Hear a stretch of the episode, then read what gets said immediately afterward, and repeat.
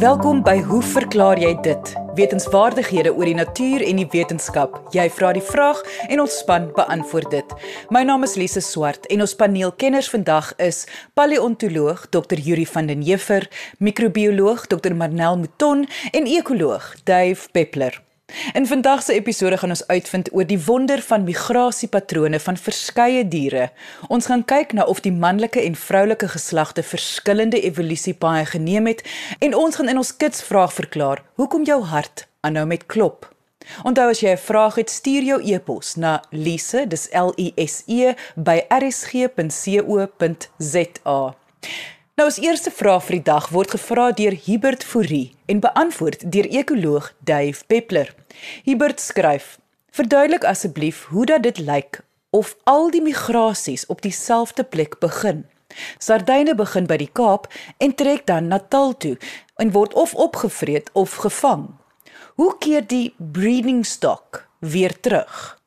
Daar is ook gevalle waar skoenlappers oor duisende kilometers opeindig in Mexiko. Weereens, hoe keer die breeding stock terug? Dave? Ons weet natuurlik dat tuinpaddas wat uh, in jou huis inkom, jy gooi die ding weg oor 'n muur of ver in jou tuin en die volgende aand is die padda terug. Ons weet van verkleurmannetjies wat jy verplaas uit 'n boom, nagties 'n uur of 3 later is hy terug. En dan weet ons natuurlik van huisdiere wat oor etlike 100 km en na jare selfs kan terugstap na hulle huise toe. En om niks te sê dat luk van swaalkies nie, byna elke huis in hierdie land het 'n swaalkie op die stoep en elke jaar soos klokslag kom hulle terug.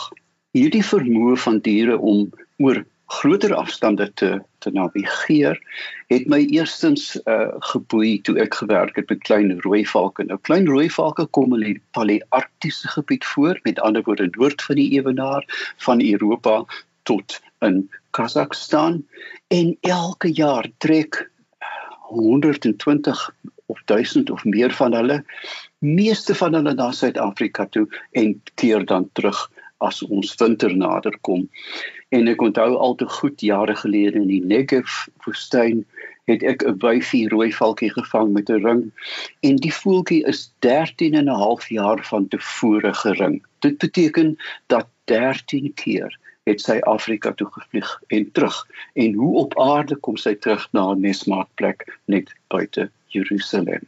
Ek weet ook van 'n kollega van my jare gelede wat 'n bruin jakkalsvoël gering het. Hulle broei ook in die Palearktiese gebied en vir 14 jaar het hierdie voël na 'n spesifieke paal buite Mamesbury toe teruggekom. Dit is Lisa, jy weet dit is ondenkbaar kompleks as jy dink dat die voël het heel moontlik na Moskou toe gevlieg en elke jaar kom hy terug na 'n gekose tuisgebied, 'n spesifieke paal net buite Mamesbury. Nou, navigasie is die vermoë van diere om hulle weg te vind sonder kaarte of instrumente. Natuurlik, jy weet jy kan nou nie dink dat 'n swaalkie onder sy vlerke klein kaartjie het en elke 5 minute daarna kyk nie. Hulle moet ander meganismes gebruik. Van hierdie migrasies is verbuisterend. Ons dink byvoorbeeld aan die arktiese sterretjie wat van pool na pool, letterlik van die noord na die suidpool toe elke jaar navigeer. Nou ja, weet die, die volgende logiese vraag is hoe lank neem dit? Wel, dit hang af van weerstoestande. Maar ons weet ook natuurlik waarna die luisteraar verwys het van hierdie magtige migrasie van skoenlappers in Amerika wat van Kanada na New Mexico elke jaar vlieg oor winter en dan terugvlieg. Later het Karl von Frisch 'n Nobelpryswenner onteenseglik bewys dat by bye die polarisering van die lig, die magneetveld van die aarde en die posisie van die son die bye se rigtingbepaling kan affekteer en dat hulle dit wel aktief gebruik. Kyk 'n mens dan by die navorser Keaton, hy het gewys dat by duwe die son magneetvelde en vreemd genoeg Lisa reuk 'n baie belangrike rol speel. Nou, ek weet nie of ek Lafras nou moet moet op die internet ontbloot as 'n duiweboer nie, maar hy sal vir jou kan sê dat um in die ou dae as jy 'n duif sogenaamd gehou het, jy het 'n nuwe duif gekoop en nou wil jy hê dat hy die hok moet gewoond raak, het jy 'n geskilde ui in 'n suidkous sloopie om sy nek vasgemaak vir 'n week of 2 sodat sy reuksintuiglike tafel skoon gevee word, dan haal jy die ui af en dan onthou hy die reuk van die hok en dan kan hy terugkeer. As jy dit dan los in 'n maar in Beaufort Wes en hulle met Kaap toe vlieg, dan gebruik hulle 'n aantal omgewingsfaktore, son, polarisering ensovoorts, maar net voor hulle gaan sit, wentel hulle om die hok tot hulle hulle eie hok kan ruik en slegs dan gaan sit hulle. En jy kan jou voorstel as dit 'n miljoen rand wedloop is, wil jy hê die duif moet kom sit. Daar is um, ander voël soos byvoorbeeld die vreemde Afrikaanse naam swartbekpyl stormvoël. As jy hulle vang en loslaat op hulle migrasieroete, sal hulle byvoorbeeld op 'n bewolkte dag in sirkels vlieg. Aanhou, aanhou, aanhou tot die son deurbreek vir 'n oomblik slegs en dan kan hulle rigting bepaal. So dis daar is oorvloedige bewys dat hierdie hemelse prikkels die rigting gee aan migrerende diere. Nou, as jy nader na die meganismes kyk, is die eerste een bakens dat sekere kortafstand migrators gebruik 'n baken, 'n berg, 'n boom, 'n gebou selfs en ek weet van my navorsing met die uh, rooi klipkonyn dat hulle byvoorbeeld elke klip in hulle omgewing intiem ken. Hulle gebruik die vertikale uh, wande om so snoekerballe heen en weer te spring om hulle uh, as hulle gejaag word. Met ander woorde sonder hierdie ruimtelike kaart sal hulle dadelik gevang word. Maar hulle onthou elke klip, die vorm, die grootte, hoe vertikaal die wande is en dit is hoe hulle dan kan ontsnap. Die tweede hoofprikkel in hierdie suite is natuurlik die son. Maar ons moet daarby sê dat by die son moet jy ook 'n interne horlosie hê. Gegee dan dat meeste organismes 'n interne horlosie het, en ons weet dit kan baie maklik bewys word deur die leepatrone van hoenders. As jy hoenders onder konstante ligtoestande hou, lê hulle aan mekaar. Met ander woorde die son plus 'n horlosie gee vir jou rigting. En daar is pragtige eksperimente gedoen. Jy weet hierdie sandvloetjies wat so hop uh, as jy op die sand stap. Nou as jy hulle uitfase gewoond maak aan die daglengte. Met ander woorde jy gee vir hulle 'n om 12 uur omgekeerde dag uh vir 'n paar dae en jy laat hulle los, dan navigeer hulle in die teenoorgestelde rigting. Hulle dink die see lê agter die duine. So hierdie goed kan baie maklik bewys word. Dan is daar natuurlik die aarde se magneetveld. Dit is 'n konstante, hy wissel so effens nou en dan en nou en dan kantel die magneetveld. Hierdie magneetvelde kan jy baie maklik bewys deur letterlik 'n magneet op 'n duif se kop vas te maak, jy weet skief of reguit en daar sy vluglyn en dan kan jy sien hoe dit sy rigting beïnvloed. Dan kan 'n mens ook natuurlik kyk na hoe lyk die nagfirmament. En vreemd genoeg en dit is 'n wonderbaarlike verskynsel dat miskruiers, ons gewone ou miskruiers wat bolle rondrol in die nag vlieg en gebruik die lig van die maan as oriëntasie en ook die die span van die melkweg as jy hulle sou plaas in 'n um, in 'n gesimuleerde naglig, dan kan jy hulle vlug oriënteer deur bloot die melkweg te kantel.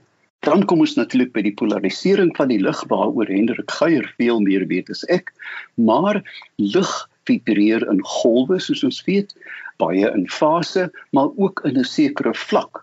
Onder sommige omstandighede beweeg lig natuurlik ook in beide van die asse as jy dit kyk na in grafiekterme en in daai mate word die lig dan gepolariseer die hoek tussen hierdie twee vlakke van vibrasie.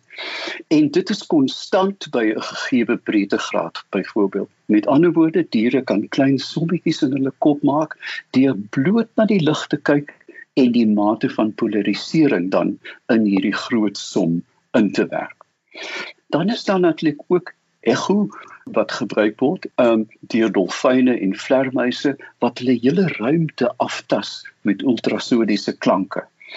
En net, net om weer vinnig terug te kom na die reeksintuiglike, ons weet ook dat salm, veral die Noord-Atlantiese salm, letterlik die water proe nadat hulle van die see af terugkom. En hulle die, die hulle is so akkuraat dat hulle letterlik 'n klip in 'n stroom net aan sy reukomgewing, sy reukruim kan kan uitken en dan na baie jare broei hulle weer op die plek waar hulle uit die eier uitgekom het. Laastens is daar padmerke. Daar is baie duidelike getuienis dat klein woudmuise in die noorde, sover hulle loop, takkies en blare pak in 'n sekere posisie sodat hulle dit kan onthou en dan as die uil kom dan is dit blaartakkie blaartakkie blaartakkie terug na die gat toe. So, 'n mens moet onthou dat komplekse wetenskaplike vrae het nie noodwendige eenvoudige antwoord nie en in baie opsigte en veral hier moet 'n mens dink in terme van 'n suite van hierdie tegnieke wat diere gebruik om weer hulle tuiste te bereik. So, die volgende keer as jy jou tuinpad terugkeer na sy gunsteling plek in jou kombuis, moenie kwaad word nie, want nou verstaan jy hoe padda kan gaan opsit by sy nooi in die vlei. En dit was ekoloog Dave Peppler. Indien jy 'n vraag het, stuur jou e-pos na lise@rsg.co.za. Ons tweede vraag van die dag word gevra deur Leon Hanekom en beantwoord deur paleontoloog Dr. Yuri van den Heever. Leon het wel vir ons 3 vrae gestuur waarvan ons net een vandag gaan beantwoord. Die ander sal in ander episode beantwoord word. Leon skryf: Wanneer ons na die skematiese voorstelling van die evolusie van die mens kyk, is dit opvallend dat net die manlike spesies aangedui word. Waar is die vroulike spesies in hierdie hele proses? Wanneer het dit ontstaan en hoekom word dit nie op dieselfde voorstelling aangedui nie? Indien een geslag duisende jare voor die ander een ontwikkel het, hoe het voortplanting plaasgevind terwyl die een geslag gewag het vir die ander een om klaar te ontwikkel? Dr van der Jeffer In sy vraag verwys Leon na die manlike en die vroulike spesies. Dit is nie korrek nie. Ons kan hoogstens van verskillende geslagte praat. Die spesiesnaam Homo sapiens is inklusief en verwys na beide mans en vrouens. Lise, op die oog af klink Leon se eerste vraag eintlik onskuldig. Maar op 'n manier raak dit aan een van die grondliggende aspekte van die geskiedenis van die moderne mens en dit is die selektiewe behandeling van vrouens deur mans. Elke saak het 'n herkoms en as agtergrond tot die ongelyke beregting van vrouens teenoor mans is dit nodig om vlugtig na die geskiedkundige ontplooiing van die vrou se posisie in die samelewing te kyk. Ons weet dat jagtergaarder gemeenskappe duisende jare gelede op 'n baie egalitaire of gelyke benadering tussen mans en vrouens bedryf is. En dit is tot vandag toe die geval in sulke gemeenskappe die wêreld oor. Dit lyk of die ongelykheid tussen mans en vrouens 'n hupstoot gekry het toe die eerste permanente nedersettings teen ongeveer 10000 jaar gelede ontstaan het. In antieke China het diskriminasie begin die oomblik as 'n dogtertjie gebore is. Sy kon nie geld verdien nie en is grootgemaak om haar familie te verlaat en by haar man se familie aan te sluit. In antieke Persië is vrouens hoog gerespekteer en in baie gevalle is die gelyke van mans beskou. Hulle kon grond besit, besighede bedryf, gelyke betaling ontvang en vrylik op hulle eie reis. Daarna het die Partiese en ook die Sassanide ryk dieselfde riglyne gehandhaaf. Die verowering van die Sassanide ryk in die jaar 651 na Christus deur die Arabiese moslems het hierdie leefstyl beëindig en vrouens is as tweede klas burgers behandel. Daar is geglo dat hulle inherent sondig was met 'n behoefte aan manlike beheer. In antieke Egipte, soos in meeste ander beskawings, was die gode beide manlik en vroulik. Vrouens kon reis, maar hulle was nie veronderstel om met swaar gereedskap te werk nie en alhoewel troues tussen families gereël is, kon hulle skei wanneer hulle wou en hulle kon ook godsdienstige posisies bekleed. In antieke Griekeland was daar vroulike gode, maar op aarde het vroue 'n beperkte rol vervul. Hulle kon nie stem nie en ook nie grond besit of erf nie. Hulle beperkte rol in die gemeenskap het beteken hulle moes tuiste skeppers wees en na die familie omsien. Daar was egter professionele vrouens wat in winkels gewerk het en nog ander met die amp van sekswerkers. Sommiges het welbekendheid en selfs roem verwerf, so Sappho van Lesbos as 'n digter, Arete van Cyrene as 'n filosoof en die bekende Gorfo as koningin van Sparta. In antieke Rome is die rol van vroue beperk tot die gesin en moes hulle na die tuiste omsien. Jong meisies is ook vroeg in die huwelik bevestig om te verseker dat daar nie reeds 'n seksuele geskiedenis bestaan het nie, want dit kon, glo dit as jy wil, die toekomstige gade embarrasseer. Nicolaas Hartsoeker was 'n Hollandse wiskundige en fisikus. In 1695 publiseer hy 'n illustrasie van 'n spermsel met 'n klein mannetjie binne-in, die sogenaamde homunculus. Alhoewel hy dit self nooit onder 'n mikroskoop waargeneem het nie, het dit sy verklaring van menslike embriologie gepas. Die implikasie hiervan was dat vrouens geen bydrae tot die wel en wee van 'n baba lewer nie, maar slegs as 'n houer vir die ontwikkelende manlike embrio dien. Daar is selfs beweer dat indien 'n dogtertjie gebore word, daar iets met die proses verkeerd geloop het. Sommiges het hierdie idee aangegryp. Van dit het die vrou se rol in die wêreld wat aan die man behoort het, verder verklein. Vroue kon jare lank ook nie vorder tot uitvoerende posisies in die besigheidswêreld nie. Van hulle is verwag om sekretaresses, persoonlike assistente of moeders en huishoudsters te wees. Wie dit wel in die besigheidswêreld gewaag het, het gou uitgevind dat daar 'n glasplafon bestaan. Met so 'n ongelyke geskiedenis is dit nie verbasend dat ook die wetenskap aanvanklik gesien is as die werkomgewing van die man nie en daarom is illustrasies dikwels uit 'n manlike perspektief gedoen. Ook het dit in Engels ingeburger geraak om van die evolusie van die mens dom te praat as the evolution of man in steede van the evolution of humans of humankind. Die regte terminologie in hierdie geval help om foutiewe aannames uit te skakel en dit onderstreep die feit dat alle mense 'n gemeenskaplike oorsprong gehad het en dat dit op gelyke vlak na beide mans en vrouens verwys. Dinge het egter ten goeie verander en deesdae figureer beide geslagte in wetenskaplike uitbeeldings oor die wel en wee van oormense. Helaas is daar steeds probleemsituasies waar ongelykheid kop uitsteek.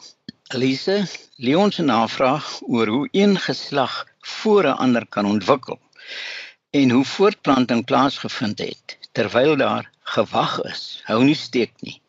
Want mense plant net geslagtelik voort en daarvoor moet albei geslagte op dieselfde tydstip teenwoordig wees. Jy luister na Hoe verklaar jy dit op RSG 100 tot 104 FM. En dit was paleontoloog Dr. Yuri van den Heever. Dit is nou tyd vir ons kitsvraag van die week wat deur microbioloog Dr. Marnel Mouton beantwoord word. Marnel, hoe verklaar jy dit dat 'n hart aanhou met klop of pomp? Wat dryf dit aan? Waarom hou dit aan sonder ophou en al sou dit om een of ander rede gaan staan, gee dit 'n skok en dit pomp weer? En die vraag word gevra deur HJ van den Doel. Dr. Mouton, Die hart is 'n spier en daarmee saam waarskynlik die spier wat die hardste werk in die liggaam. Nou gedurende 'n ge, gemiddelde mens se lewensyd sal die hart ongeveer 2 tot 3000 miljoen keer klop, wat beteken dat dit ongeveer 100 000 keer per dag klop. Nou wanneer 'n mens rustig is, dan klop jou hart so tussen 50 en 80 keer per minuut. Maar wanneer 'n mens begin oefen of jy raak dalk ontsteld of gestres of selfs wanneer jy siek is met koors of onder die invloed van sekere medikasies, dan sal jou hartklop toeneem en dit kan gebeur tot uh, ver oor die 100 kloppe per minuut en dit kan natuurlik uiteindelik gevaarlik raak. Nou die meeste mense weet dat 'n menslike hart uit 4 hartkamers bestaan. Twee ontvangende hartkamers, bekend as atria, as ook twee ventrikels en dit is nou die hartkamers wat dan nou weer die bloed uitpomp. Die atria en die ventrikels werk saam deur alternerend saam te trek en te ontspan en sodoende pomp dit dan nou die bloed deur die res van die liggaam. Die aanhoudende klop van 'n hart word basies aangedryf deur die hart se elektriese stelsel. Dit is elektriese impulse wat spesiale roetes volg deur die hart. Regs bo in die hart sit 'n bondel gespesialiseerde selle en dit staan bekend as die SA node of die sinoatriale node. En die areaatjie is so 8 mm lank en ongeveer 2 mm in breedte.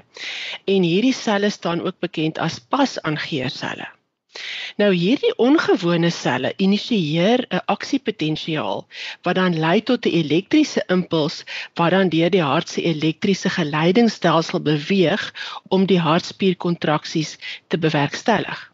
En dit gebeur meer as 1 keer per sekonde of sowat 60 tot 100 keer per minuut.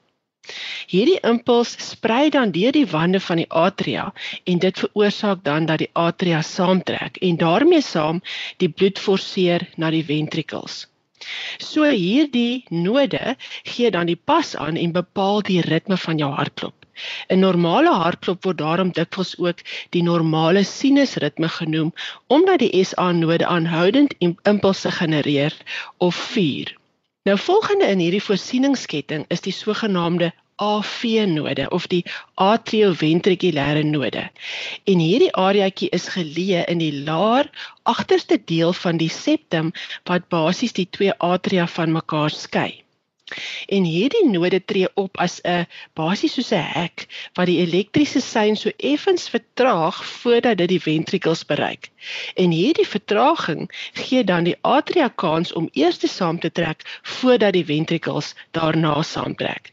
En teen daardie tyd is die SA node weer besig met die volgende impuls en die hele proses herhaal homself. Nou alle spierweefsel benodig 'n konstante bloed bloedvloei vir die voorsiening van suurstof en voedingsstowwe. En hierdie is veral belangrik vir die hartspier wat besondere groot hoeveelhede energie benodig. Selfs 'n rustende hart ver, verbruik omtrent 20 keer meer suurstof as 'n rustende skeletale spier. En hierdie groot bloed en suurstof aanvraag van die hart word voorsien deur die hart se koronêre arteries. Nou hierdie is arteries wat basies die hart omring en dan nou hierdie spier mildelik van suurstof en voedingsstowwe voorsien. Ventrikulêre fibrillasie is die mees algemene oorsaak van hartstilstand. Dit gebeur wanneer hierdie normale, gereelde elektriese aktivering van hartspierkontraksie vervang word deur basies chaotiese elektriese aktiwiteit. En dit kan dan veroorsaak dat die hart ophou klop en natuurlik daarmee saam bloed na die brein en die ander lewensbelangrike organe pomp. En hierdie toestand staan natuurlik bekend as skielike hartares. So as dit gebeur, kan dood natuurlik binne enkele minute volg as hierdie hartritme nie herstel kan word byvoorbeeld deur 'n elektriese skok soos wat die luisteraar gesê het nie. En daarvoor is 'n outomatiese of 'n eksterne defibrillator nodig om dan 'n skok toe te dien en die hart hopelik te laat terugkeer na sy oorspronklike um, normale klop. So ja, Lise, dis nou in 'n baie klein neutedop basies hoe hierdie proses werk. Dit was microbioloog Dr Marnel Mouton. Indien jy 'n vraag het, kan jy jou e-pos stuur na lise@rsg.co.za. Ek sê baie dankie aan ons kenners en vraagstellers vandag. Lekker dag verder tot volgende week net hier op RSG. Totsiens.